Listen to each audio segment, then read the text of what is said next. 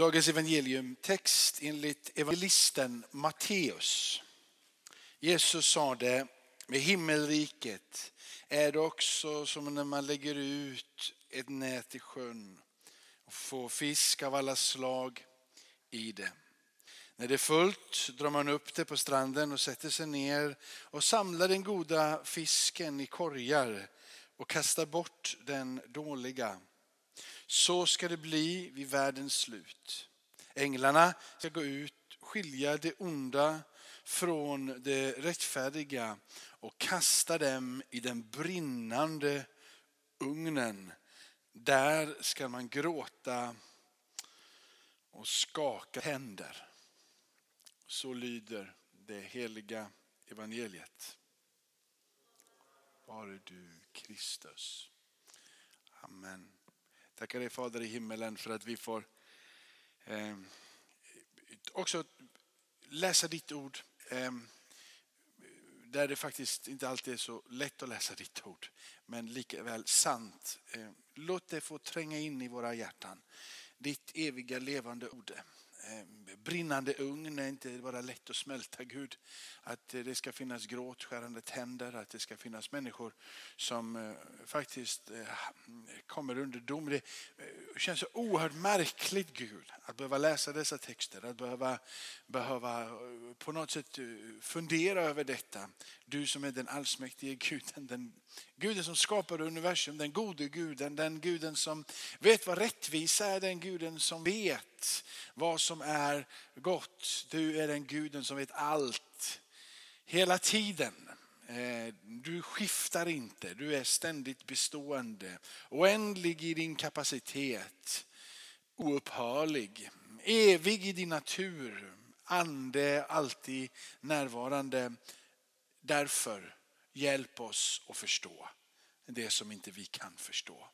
Öppna våra ögon så vi kan finna tröst och styrka, hopp i allting det du säger till oss genom ditt heliga ord. Amen. Amen. Eh, du kan ha otroligt enkelt att ta till dig sådana här texter som dom och, och, och, och brinnande ugnar och tycka att det är liksom inspirerande och härligt med eld och sånt där. Jag tycker bara det är oerhört märkligt och svårt. Eh, men det finns många fler bibelställen för mig som är svåra än att det finns några som ska bli eh, eh, liksom utskilda och kallas till en brinnande ugn. Bibeltexter som kan vara lite svåra för mig till exempel att det finns en kvinna i Bibeln som blir gravid utan att ha haft sex med en man. Det är otroligt komplicerat tycker jag. Maria, Jesu mor, är ju gravid. Det, finns, och det, det, det liksom är ju oräkneliga saker som finns i Bibeln som är på något sätt, det, det är bara det är så dumt så att, så att skriva det som, som att det vore sant eh, och att vi skulle gå på det om det nu var en lögn blir ju helt patetiskt. Eh, så dumma är vi ju inte så vi skulle gå på det på något sätt. Antingen måste det vara sant eller så är det fullständigt en lögn. Det finns inget mellanting rakt av. Och så är det med evangelium. Antingen så måste det vara sant eller så är det total fel. Det går liksom inte att ställa sig mitt emellan. Jag gillar det som filosofi. Det håller inte. Om du, vill, om, du vill, om du vill kunna vakna på morgonen, vara en ansvarstagande människa, se dig själv i spegeln, kunna använda ditt intellekt moraliskt på alla sätt och vis. Eh, anständigt som en människa, värdighet, dygd, allting som kan att vara rätt och rent av att vara människa. Titta dig själv i spegeln och säga, jag ställer mig mitt emellan. Det finns inget mitt emellan för att antingen är det fullständigt sant och då är allting som är sagt om kärlek baserat på den kärleken som kommer ifrån Gud. Annars är allting lögn och då finns det ingenting att hämta. Och alla viskade amen. Men samtidigt i detta då, va? så är det så här att Gud, han är lite lurig på detta. Jag har skrivit lite längre ner här för att se, vi får ju alltid se hur långt som jag kommer i de här trixiga grejerna. Och jag försöker begränsa mig på tisdagar, så för tisdagar är bästa dagen för då, begränsar, då försöker jag att, att, att förbereda mig så lite som möjligt. Och det är bra, för då blir det inte så mycket. Så, så, så jag försöker liksom se till att det inte blir mycket så vet ni att jag har egentligen inte så mycket att säga. Så att allting som jag säger kommer jag på just nu. Men jag har skrivit ner någonting i alla fall. Och jag har skrivit att om Gud bara skulle eh, rymmas inom min hjärna. Det vill säga att jag kan fundera ut vem han är på alla sätt och vis. Att han kan inrymmas. Om Gud är så, så han kan inrymmas inom min hjärna. Eller om Gud är så, så han skulle kunna inrymmas innanför mitt samvete. Så mitt samvete är det, det bästa samvetet i universum. Gud, så är det så här att det är en otroligt rimlig Gud jag har. Och eh, eh, om jag har en rimlig Gud så må han hända att du kallar han för Gud, men det kan omöjligtvis vara en Gud. Så om din Gud eh, fattas, eller inryms inom ditt tankevärld och den inryms innanför ditt samvete så har du en rimlig Gud. Och den rimliga guden kan omöjligtvis existera. Det enda som kan existera det är en helt totalt orimlig Gud. En Gud som är större än allting, en Gud som, eh, som inte eh, liksom kan, kan, kan, kan, kommer liksom, kan inte kan inte bara vara innanför dina tankar och kan inte bara vara innanför ditt samvete. Det, det, är, det vore orimligt att den guden som möjligtvis skulle finnas skulle vara så begränsad till ditt intellekt. Tro inte på det. Så då är det frågan så här, när Gud talar till dig och mig genom ditt levande ord, vad talar han till? Talar han till ditt hjärta eller talar han till ditt huvud? Jag, jag, jag tror fullt ut att han talar till båda två. Jag tror att han talar till ditt hjärta. Jag tror att mötet med Gud är en fullständig upplevelse, det är en erfarenhet. Det är något som för ditt hjärta så djupt så du blir aldrig mer densamma. Det finns någonting att ständigt jämt att få tillsammans med Gud. Men Gud går inte utanför ditt huvud. Gud låter ditt huvud vara med på resan så att du kan förklara vad det är du upplever i ditt hjärta. Och det som du, det som du förklarar med dina ord formar i ditt huvud, det som har hänt i ditt hjärta och det som du har upplevt kan inte fullt ut bekräfta och förklara det som har hänt. För det är så överväldigande. Och hur skulle den här guden som är så överväldigande och möter med dig så kraftfullt och, och talar till dig så djupt. Hur skulle han kunna låta dig kunna förklara och förstå vad det menas med en evig dom.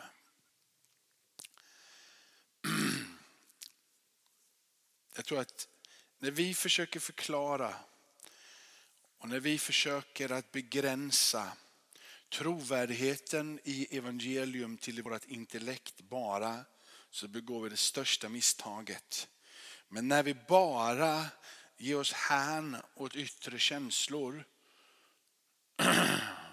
så slår vi till slut knut på oss själva. Vi behöver både domsöndagen och vi behöver första advent. Varför vi behöver första advent är för att då så talar om han som skulle komma och sen så föds han vid juletid. Påsken är där, frälsningen ligger, anden blir lovad. Men varför behöver vi domsöndagen? Jo, för domsöndagen är också det som, som Ida sa inledningsvis, det är Jesu Kristi återkomst. Det är nämligen så här att eh, du har blivit frälst min vän. In i ett rike som är nu men också ett rike som skall komma. Eh, det som du har upplevt tillsammans med Gud är bara försmaken av det som du fullt ut kommer få träda in i den dagen han kommer tillbaka. Domsöndagen är en uppståndelsefest egentligen. Eller en återkomstfest, en celebrering, en hyllning, ett firande utav den konung som skall komma och som vi sen i nattvarden säger, han återkomst i härlighet. Det är vårat hopp. Så Söndagen som vi firar här nu är en söndag där vi igenkänner både hans dom och hans stora nåd. Vi igenkänner hans dom. Varför? Jo, för att det är den slutgiltiga segern över all ondska. Och varför celebrerar vi och jublar vi över nåden? För det är skapelsens fulla upprättelse det är kanske lite krångligt, men så här är det. Va? Att när Jesus kommer tillbaka och när, vi, när de döda går upp från marken, för Bibeln säger att de döda ska uppstå marken och så ska vi tillsammans med dem åka upp i himlarymderna och, och, och rymden står det himlarymden. Att, att möta honom där och sen ska vi vara tillsammans med honom i evigheten evigheter och tusenårsrik. Och det, det, det, är liksom, det är bara så otroligt stort och så härligt. Och då så, så ska en ny himmel och en ny jord. Och därför så säger man att när när vi pratar om domsöndagen och Jesu Kristi återkomst så pratar man om dom och nåd. Då är domen att det är domen över den fullständiga ondskans slutgiltiga, den är borta, va? Den, den kvävs till döds fullständigt, kommer aldrig mer existera. Därför kommer det heller aldrig vara någon gråt, aldrig vara någon sorg i det rike som ska komma. Men nåden då, därför att det är skapelsens fulla upprättelse. Finns det någonting som ännu inte har blivit synligt av den fulla upprättelsen i Kristus så sker den den dagen han kommer tillbaka i höjden. Okej, okay. man skulle kunna säga då bara att vi lever i den här spänningen mellan riket som nu är och riket som ska komma. Det finns en dynamiskhet här emellan, en, en, en inblick i vad vi skulle kunna förnimma och förstå men vi är ännu inte där. För Paulus säger så här och det är så illa konstigt. Jag, jag kan inte liksom, jag har väldigt svårt att förlika mig med detta. Och det är att mitt hemland är himmelen. Jag vet inte, du vet de som sjöng bara, jag bara längtar till himmelen. Det blir så ljuvligt att vara med Jesus i himmelen. Ja, jag, kan, ja, ja, jag vill också möta med Jesus men jag skulle gärna vilja leva när han kommer tillbaka. Eh, tänk att stå här och så börjar marken mullra lite överallt. Och så, ja, men det står ju så, då ska de uppstå. Och de upptäcker att få vara med i det. Istället för att ligga där, komma upp och var är det dags. Eller? Eller? Ja. ja och, eh, och sen sitta någonstans i ett moln och vänta. Liksom, eller, äh, fy tråkigt. Vet du, livet är givet som en gåva för att det ska levas. Eller hur? Och vi, vi, vi lever ju inte här med en akt och och många tycker att Sverige är så bedrövligt och världen är ännu mer bedrövlig och allt är bara bedrövligt. Medan det enda jag kan se i Bibeln är att vi ska fullt ut växa ut i mognaden i Kristus, att vi ska växa upp till han som är huvudet, att vi ska vara redo som Kristi brud när han kommer tillbaka. Eh, jag tycker det står mycket otroligt, att han ska komma tillbaka det är ett hopp. Eh, det är inte, det är inte våran dom, det är vårt hopp. Det är den slutgiltiga domen över all ondska i alla tider i evigheternas evighet. Men det är också skapelsens fulla upprättelse. Att Jesus ska komma tillbaka och att vi väntar på den här domsöndagen är någonting helt ljuvligt. Det är någonting ljust, det är någonting att se fram emot, det är någonting att hoppas på, det är någonting att glädjas över. Inte katten står du och kollar dig själv i spegeln på morgonen. Det var en rynka till idag. Skit. Alltså, bara, igår hade jag ont i ena knät och nu har jag ont i andra knät också. I övermun så det rygga, Eller hur? Inte gör du det utan du, du är ju glad för att du lever. Eller hur? Inte, inte, katten, inte katten springer jorden omkring och mår dåligt över att den en gång ska, ska dö på något sätt. Förstår ni?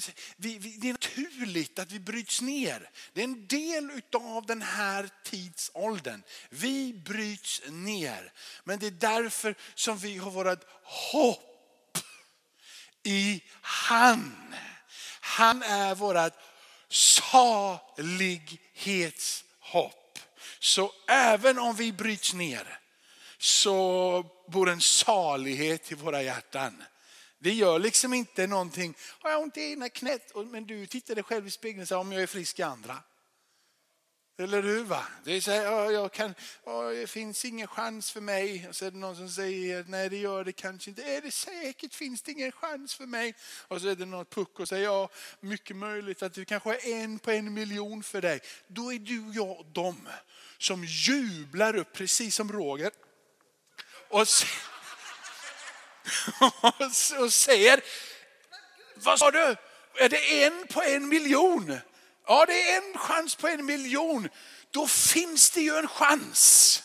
Vi är de som ständigt och jämt alltid kan se in i det som ska komma. Positivt med glädje. För varför? För att för oss så lever hoppet.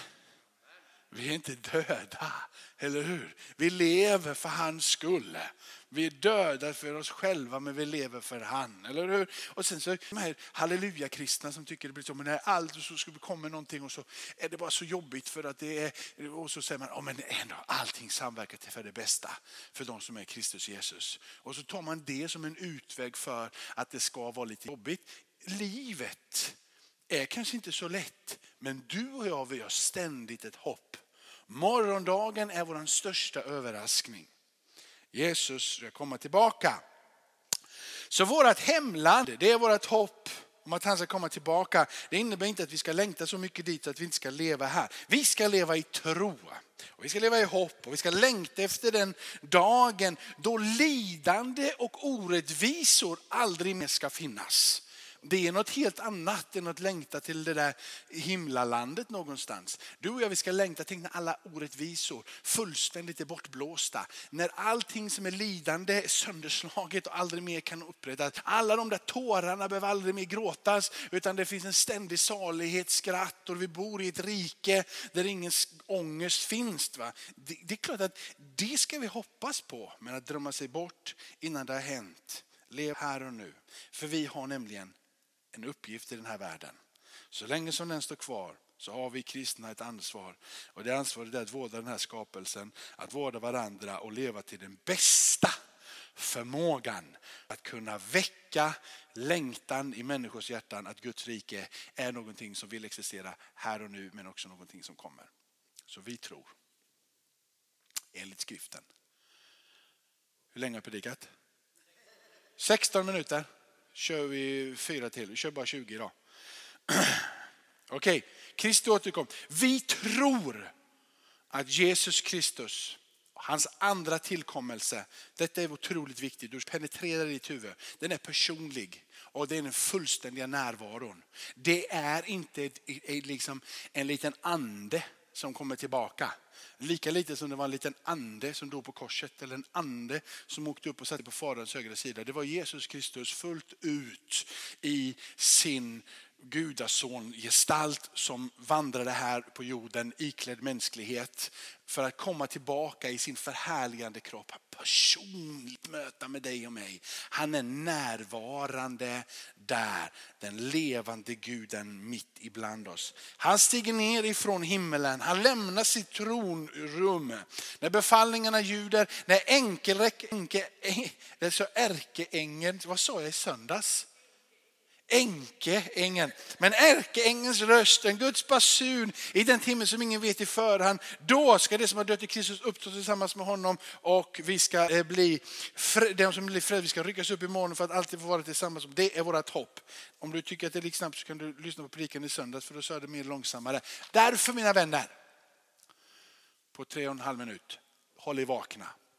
Bibeln återkommer till det. Håll er vakna, var på G, var tjänstvilliga, var som tjänare som är beredda enligt Lukas 12 och håller vakna enligt Matteus 24. Under bara några få korta verser, åtta stycken, så uppmanar han dig och mig tre gånger att vara vakna. Dagen och timmen känner ingen, inte ens himmelens fåglar, inte ens sonen själv, ingen utom fadern håller där vakna.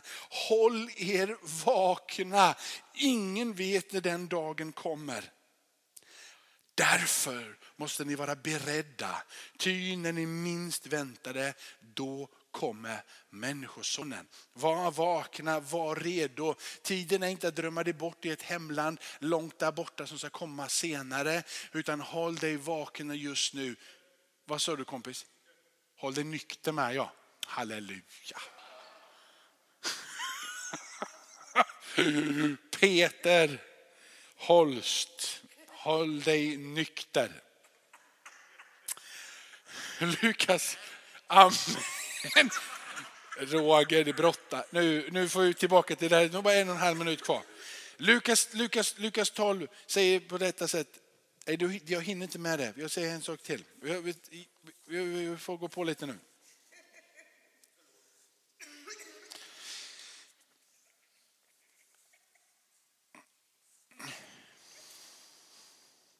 Det blir för svårt det här. Jesus kommer tillbaka. Vi läser ett, vi läser ett bibelord. Vi läser, vi läser från Titus. Bernt, nästa gång kanske det är bättre att du förbereder en predikan. Och så, och så kan jag predika den.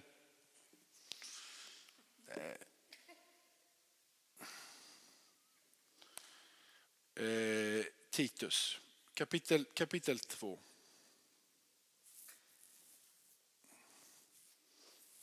Det, vi kanske har det här som introduktion till på söndag, Bernt. Kapitel 2, vers 11 ner till vers 15. Till Guds nåd, den har uppenbarats till frälsning för människor.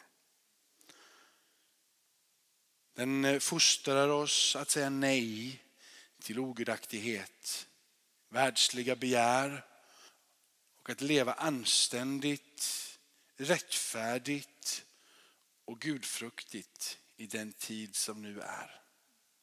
Medan vi väntar på det saliga hoppet.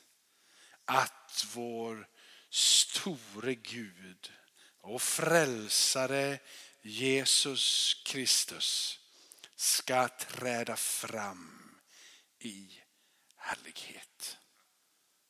Amen. Det är vårt salighetshopp.